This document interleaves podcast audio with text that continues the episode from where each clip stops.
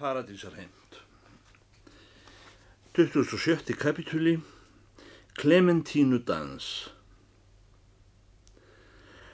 Langt fyrir utan ystu skóa árið sem að gullið fannst einn bjó smiður út í móa og hans dóttir sem þú manst.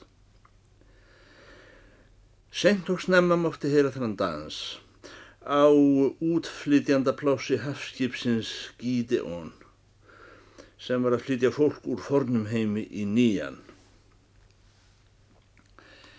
Einn og sér hver átti gullnámu sína fyrir handan höfin og dansinn lagaði sig eftir voninni eins og fyrir daginn. Unga stúlkur í ofþykkum hempum, sumarættar úr Karpatafjöllum, Það leiðast yfir þilfarið með dansin í vonbjörnstum augum sínum og vindi í hárinu á morni eilvíðarinnar.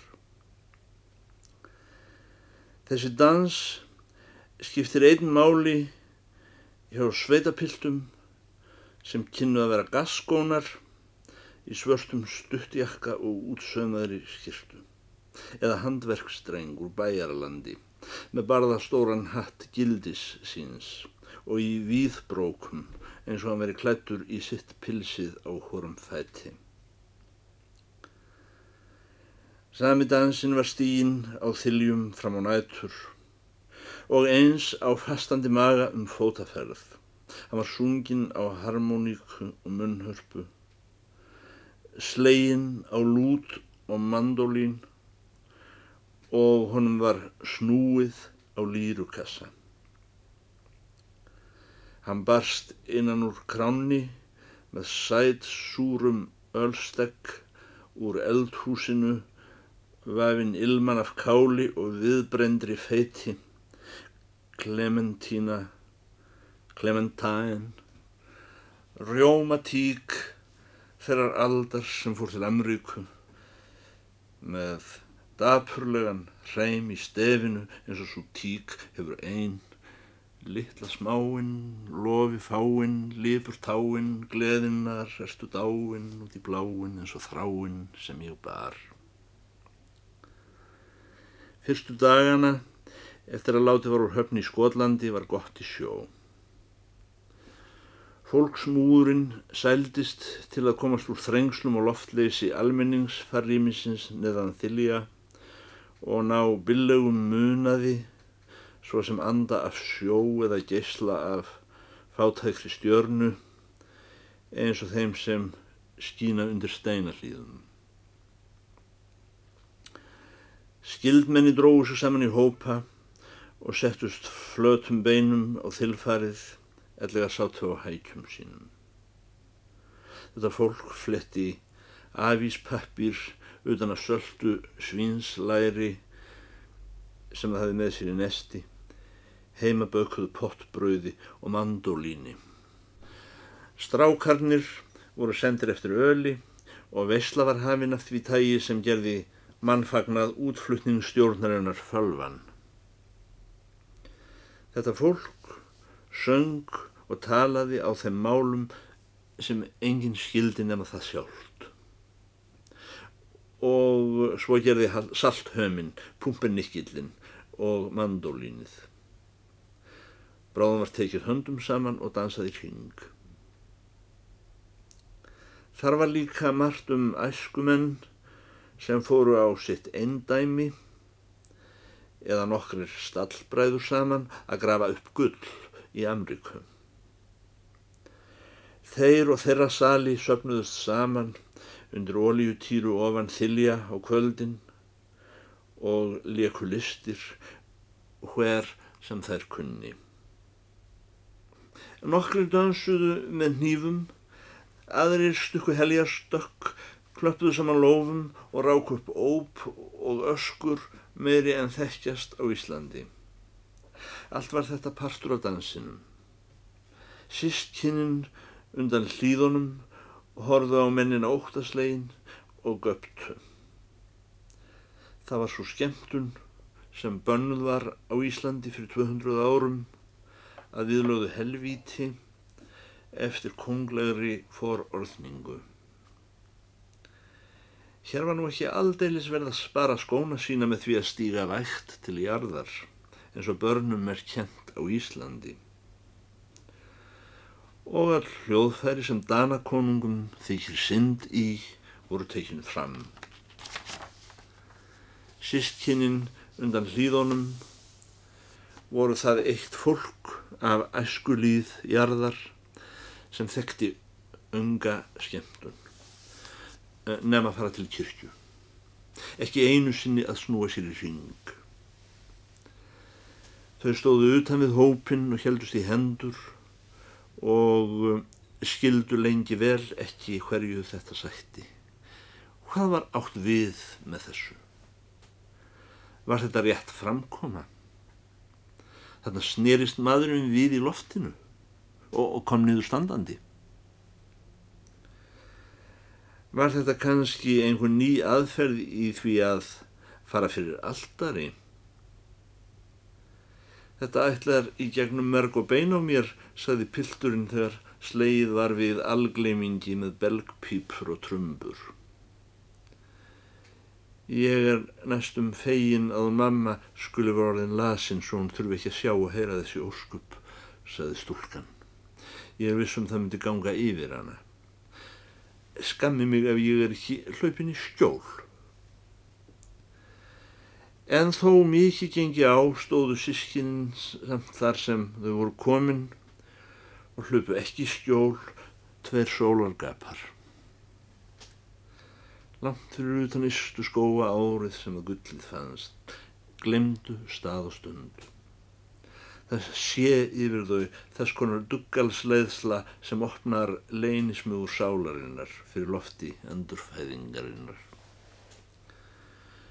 Og nú veit ekki stúlkan fyrir til en búið er að taka utanum hana. Hún er slitina bróður sínum, það er komin karlmaður með hann í fangið og farin að snúast með hana. Hann er af þjóð sem dansar masurka eftir Klementínu og þessi unga stúlka í vaðmálsfjötrum það var þá innan í gerfi hennar önnur stúlka sem skinnjar hljóðfall og fylgir því án þess að misstíga sig til muna og kann af sjálfu sér list sem danakonungar höfðu bannað Íslandingum. Hvað var allt í inn tekið til að hreyfa sig í hverjum hennar lið á þannan óeðlilega auðvelda hátt sem gerir að maður finnur sjálfan sig og veit ekki hver þetta er. Af óvana að sjá margt ókunnúra í senn og reynslu leysi í því að þekkja útlendingasundur, einhver með þeir eru margir saman, eins og það er á fáramannavaldi að þekkja sundur tjaldin sem spíksporar stórlega markmennur í túninu að áliðunum slætti. Þannig höfðu andlitin og fólki þessu einhvern veginn orðið einn gröður. Hvenar sem hlýða sískinni gerur tilraun að greina einn frá öðrum og horfið í afnóðum eins og bólurnar í kræmandi gröð. Þessi útlendi múur ferðafélag þeirra var allt einn hvalur eitt forógnar kvíkindi og tóldi saman af sjálfu sér eins og dýrið í vestmannegjum með þetta og þetta mörgum kjöftum. Það harflaði ekki að þeim að skipan einum einstaklingi niður í hugsir niður reyna að gera sér grein fyrir hver kynni að vera úr Noregi, hver úr Svartfjallalandi. Þau voru orðin lík ennsku embættismannunum sem spurðu þau út úr á Amríkufara kontornum. Þessir englendingar heldu að þau tölðu finsku ef þau voru íslensk. Þegar þjóðreikur biskup sagði að þau tölðu íslensku þá spurðu englendingar ögn stuttir í spuna. Já, er það ekki bara önnur finska í, í viðbútt? Fyrir hlýðasystkynum eins og englendingum voru útlend tungumál annarkurt finska eða þá meiri finska. Þó þau væru öll að vilja gerð, heyrðu þau ekki betur en þetta margmynda stórkvíkindi talaði æfinlega eins. Þeim hafði fundist engin vera útlendingur í þessum hópi nema þau sjálf. Nú uppgöð var stúlkan allt í einu að sérstakur maður er tekin upp á að dansa við hana. Hún sér hann að vísu ekki ennþá en hún finnur hann. Engum og sérilegi finnur hún hvernig reyfing sálar hans kallar fram tillýðilegt svar í sálinni hjá henni. Réttar að sagt, lífið var farið að stræma. En hún þorir ekki einu sinni að gjóta upp á hann augunum í dansinum. Horki þegar hann fellur aðinni, því þá vil hún ekki láta hann grunað um viti til sjálfur sín. Ný heldur þegar hann fjarar frá henni aftur. Slíkt hefði stappanari ónargætni eins og spyrja bónda sinna heiti morgunin eftir brúðkaupið. Samt hefur hún ávæning af hávöksnum og herðibreiðum unglingsmanni sem er mjórum sig miðjan og þar eftir líðuður. Óvart og í snökkum svip hefur hún snef af solbrendri Karlmanns kinn undir lampanum og gulum lokk sem hann snögg stríkur aftur fyrir eirað. Hann segir eitthvað við hana sem áræðanlega finska og hún verst þess að renna grun í hvað hann eigi við ef hann skildi verið að spyrja hann að heiti þá virðist henni goðgá annað en halda nafni sínu lendu og svo persónu sinni, tungu, ætt, þjóð og landi. Hverju málu skiptir það? Lífið heitir ekki neitt. Þegar hún hefði dansað svo lengi að hún hefði ekki aðeins glemt því að hún kunni ekki að dansa, heldur var allt glemt nema dans. Þá snakk hættir hann. Eina mínútu heyrðist henni hann segja. Hann tekur utanum hana og leiðir hana út úr dansringnum. Henni finnst hún sveima í ókunnum lögum loftsins, borin af léttum blæ.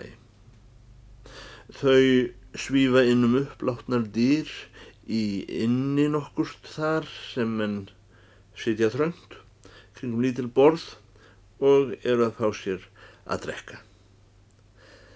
Þar sitja karlminn tveir, sér við borð og kneifa öll og sér hún að þar muni vera stallbræður hans því þeir klappa honum lofi lofa með stóru glensi fyrir að hafa veitt upp hvernmann. Þeir rýsa úr sætum og neyja henni, segja að því henni skilst að hún sé fyrirtags stykki. Síðan láta þeir hann að sitja meðal sín. Þeir gera enn tilraun að eiga við hann að orðastað en mál þeirra er finska og enn meiri finska. Samt gatt hún ekki annað leið að ákafanum í þeim og virtust þeir láta sér það vel líka því hún var vel tent að hætti fólks sem ekki getur brauð. Hún virðir þá fyrir sér meðan þeir streytast við að tala og sér fljótt að dansmaður hennar ber af bláegur með þetta gula hár í liðum. Annar félagi hans var langur maður, dökkhærður, svo hún líkti honum við rafn og stríhærður eins og hross. kinnfiskasógin með stórar loppinlegar hendur, helbláar, gamlar kuldabólgu hendur. Því liðir voru útgengnir, eðlegar spiltar af vondum ambóðum, en kaldglæðir augu hans tóku til þegar í stað að leita inn á henni í hálfgjaldri vonsku eins og hann teldi hann að geima þar eitthvað sem hún hefði haft af honum með prett. Hún sætti sig ekki við hann að fullu. Fyrir hann komi munnhörpu og tók til að íþrótt að syngja á hljóðfæri þetta sem ger hvarf í bláum lúkonum á honum, eh, líkt og krækiberi í ámu meðan hann var að syngja á hljóðfærið fekk hún tóm til að virða fyrir sér þriðjamannin í fjallæginu. Þessi dróð sig í hlið eftir föngum og undi því að lifa í skugga lagsbræðra sinna og bar það til að hann var með skarði vör og opið mjög og holgóma. Hann var gugginlegur af lúa og ekki nema ló eftir á skalla honum. Tennurnar í honum báru merki um brauð átt. En stúlkan var aln upp við það á Íslandi að láta sér í letturúmi liggja útlit manna. Því ekki eru allar dyðir í andliti fólknar. Hún leti öngu á sér finna að henni þætti meira verðt um dansmannsinn en félaga hans. Og þegar bláhöndin hætti spilverkinu og tók að lemja slefuna úr munnhörpunni og hann lofa sér, þá umvafði hún hann í þakkarskini með frjálsum hlíleik augna og ekki var þagn orðin fyrir maðurinn með skarði vör tók til listar sem hann hafði fengna og var í því fólkin að gákla með margföldu eggjaljóði eins og komin veri hansnastýja á næstu gröðsum. Þetta þótti stúlkunni undan hlýðunum því skemmtilegra sem hún hefði sjálfnar heist í þessum fuggli. Hann kunni einnig að hafa eftir ástríðlaust og einfalt hundagsgákl þessara fuggla yfir litlum kornum í miðdegiskyrðinni. Þá upphófst bláhöndin á nýja leik og dróð fram spil og fór að gera galdra sem sumir voru svo yfir í gengilegir að félagar hans gerðu sér líklega að berja hann. Þá tekur maðurinn með skarðífur sig til og fer að herma eftir breymaköttum sem vaka bak húsum á nætturþeli. Af tilfinni þessara manna byrti yfir stúlkunni og hún hlóð dátt því hún hafði aldrei fyrverð á skemmtun á æfisinni. Í þakklæti skinni dansaði hún við báða félaga hans næst þegar kom Clementína því nú var hún orðin útlærið í þessum dansi.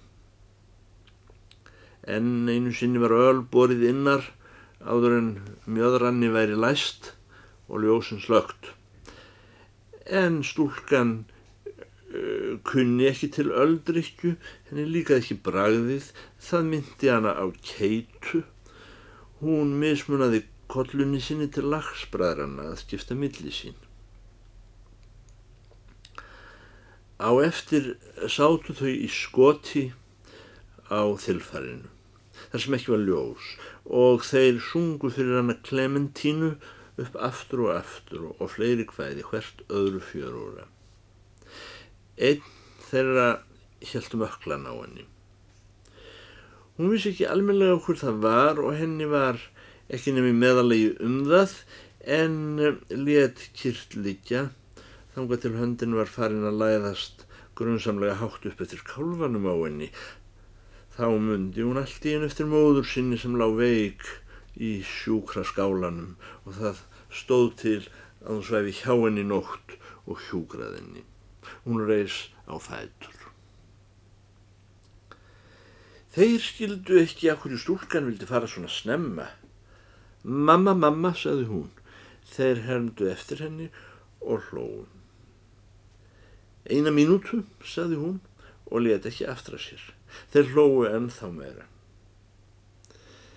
Það varð úr að dansmaðurinn hennar fyldi henni á leið og letu félagar hans það viðgangast af göfulindi sökum þar sem hann átti sjónarvætti í stúlkunni svo ekki varðum deilt.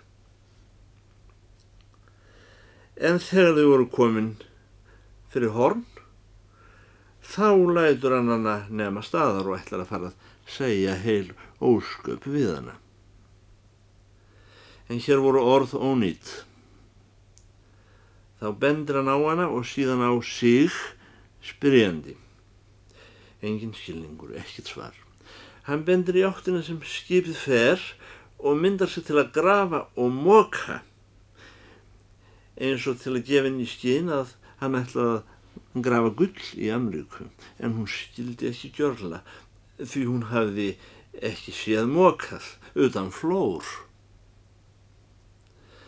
Hann leiður hann að þangað sem ögn var bjartara og tekur úr vasa sínum lítinn hlut sem velmátti fela í nefa sér.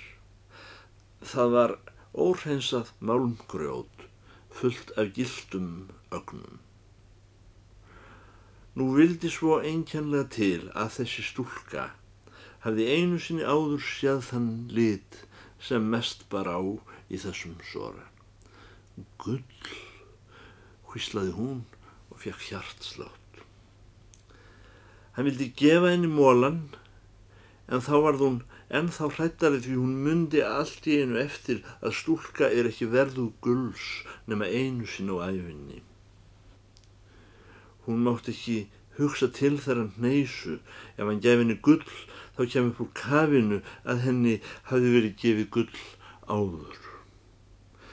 Eina mínútu, sagði hún, og þrýsti gullmólanum í lofa honum aftur og flýtt sér burt. En þegar hún var komin frá honum fór hún að efast um hvort verið hefði skýragull í mólanum. Pilturinn var þó ekki nema á leið til Amríku. Ef til vill hafði hann aðeins tekið gull þetta út fyrirfram hjá voninni. Hún var ekki komin að dýrónum til móður sinnar fyrir nú hann farin að sjá eftir að hafa ekki tekið við mólanum hvort sem hann var nú úr skýragulli eða ekki. Hún vonaði bað að hún hefði nú ekki móðgað piltin með því að hafna gullinu hans. Nú er að segja frá konunni undan hlýðunum. Þessi kona hefði lagt á stað burt frá Íslandi með eigðileik yfir höfði og lítilleik fyrir hjarta og svo fótfúin að hún gæti ekki einu sinni gengið yfir græna sveitir hvað þá heldur sanda. Það mátti segja að hún hefði haft sjálfa eigðimörkina í fótonum. Á sjónum millir Íslands og Skotlands veiktist hún að máttleysi og stjafalla í fæturna svo mynd væri á eftir það. Við þetta áfall sljókaðist hún einnir á máli og minni. Það sótt á hann að þreita svo hún undir sér ekki nema út aflítjandi. Það er ekki til síðs að menn gerir sér mikla rellu út af fátækum konum úr ókunnum stöðum sem lagðar eru upp í útflytjandaskálum. Flestir menn í Glasgow heldu að konan veri finsk. Þjóðrækur biskup meldi svo fyrir að Steinbjörg, dóttir hennar, skildi ekki vika frá móður sinni á nóttnýja degi meðan þau byðu í Skotlandi en tók sjálfur í sína vörslu þennan litla klukku bonda sem hann hefði dýft í jökulsá. Og þó hún og sveitnin væru nú loks ögnað kynnast, gaf hún hann einnig upp í hendur biskups eftir að þau komu um borði í útflytjandaskipið. En það skildist enni ekki betur en þeir væru orðnir feðgar samkvæmt hinnum klúsaða teksta sem biskupin hefði haft yfir út í ánni. Biskupin fekk því til leðarkomið að stúlkunni var leift að liggja næri móður sinni á nóttunni í sjúkraskála aftur á. Þar lágu nokkrar bondakonur aðrar úr Evrópu, var ein með öllur hreyfingar laus af innan meinum og græn að flýta sér á fund svona síns í nýju Jórvík. Önnur hefði mjadmar brotnað af njaski og kúldi sem er samfara flutningum á undir fólki og var málmanna að hún þyrsti valla annað brot til þess fullbrotið væri. Hér var það eitt fólks samankomið sem eftir ennskri máluvenju er talið að eigið muni þurfa nema eina hvíta skirtu enn.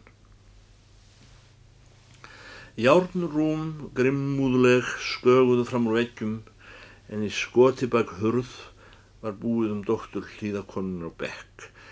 Var það starfi hennar að fara fram úr á nóttunni og sinna móður sinni nær sem hún heyrðist stinja og helst oftar og gefa enni inn. Læknir og sýstir höfðu satt á hæli þá sjaldan þeim snjóaði inn. Þegar Bjart var orðið kom þjóðraugur, biskup með doktorsson konunar og örmagna hlýðakonan var sæl að finna þennan litla bonda tróða von á sér líkt og seinustu þúfu Íslands og skrítja við ömmu sína á þessu litla máli sem hún hefði kent honum meðan þau voru nýðursetningar í götum. Nú er þetta máls að taka eh, sem stúlkan segir eina mínútu og gengur nýður á þess að hafa tekið við gulli. Liðið var um miðnætti. Það lefði ekki af því að móðurnar þægi meðal sitt, svo var hún orðin döf. Það tólði á einni saman saltvíkur týru þeirri rauðri sem höfð er döðvona mönnum til hugunar á nóttunni. Það var létt yfir stúlkunni eftir hítan eh, sem hún hefði fengið af gullgrafaranum bæði dans og söng. Hún fyrirgaf þó hann kynni öngva sérstakar list eins og spil á munnorgan eða herm eftir hansnum. Hún setti ekki fyrir sig þó engin vissi hvernig gullið hans væri fengið eða hvort það veri skýrt. Þakklátust var hún honum þó fyrir að það skildi ekki vera hann sem hafi farið að haldum fótinn á henni fyrir ofan öklan. Hún kunni ekki við þess konar menn. Samt viss hún ekki fyrir hún var búin að slökva á rauðaljósinu sem átti að vera konun til skemmtunar með það dæju. Hún lættist út aftur og rammaði á staðinn þar sem hún hafiði kvattan fyrir drikklangri stund. Einhvern veginn stóða þannig í henni að hann býði, en hann var farin. Það voru allir farnir nema maður sem var að taka utanum stúlku upp við mastrið. Það mátti litlu muna að hún gengi á þau. Auðvitað voru allir farnir og hún skildi ekki sjálfa sig að detta annað í hug um hánótt. Hún flýtti sér ofan og kveikti aftur á ljósinu hjá konunum og let mömmu sína eh, súpa úr bolla kallt vatn sem þó rann út um munnvíkið á henni jafnóðum og niður á háls. Síðan háttaði stúlkan á beknum sínum.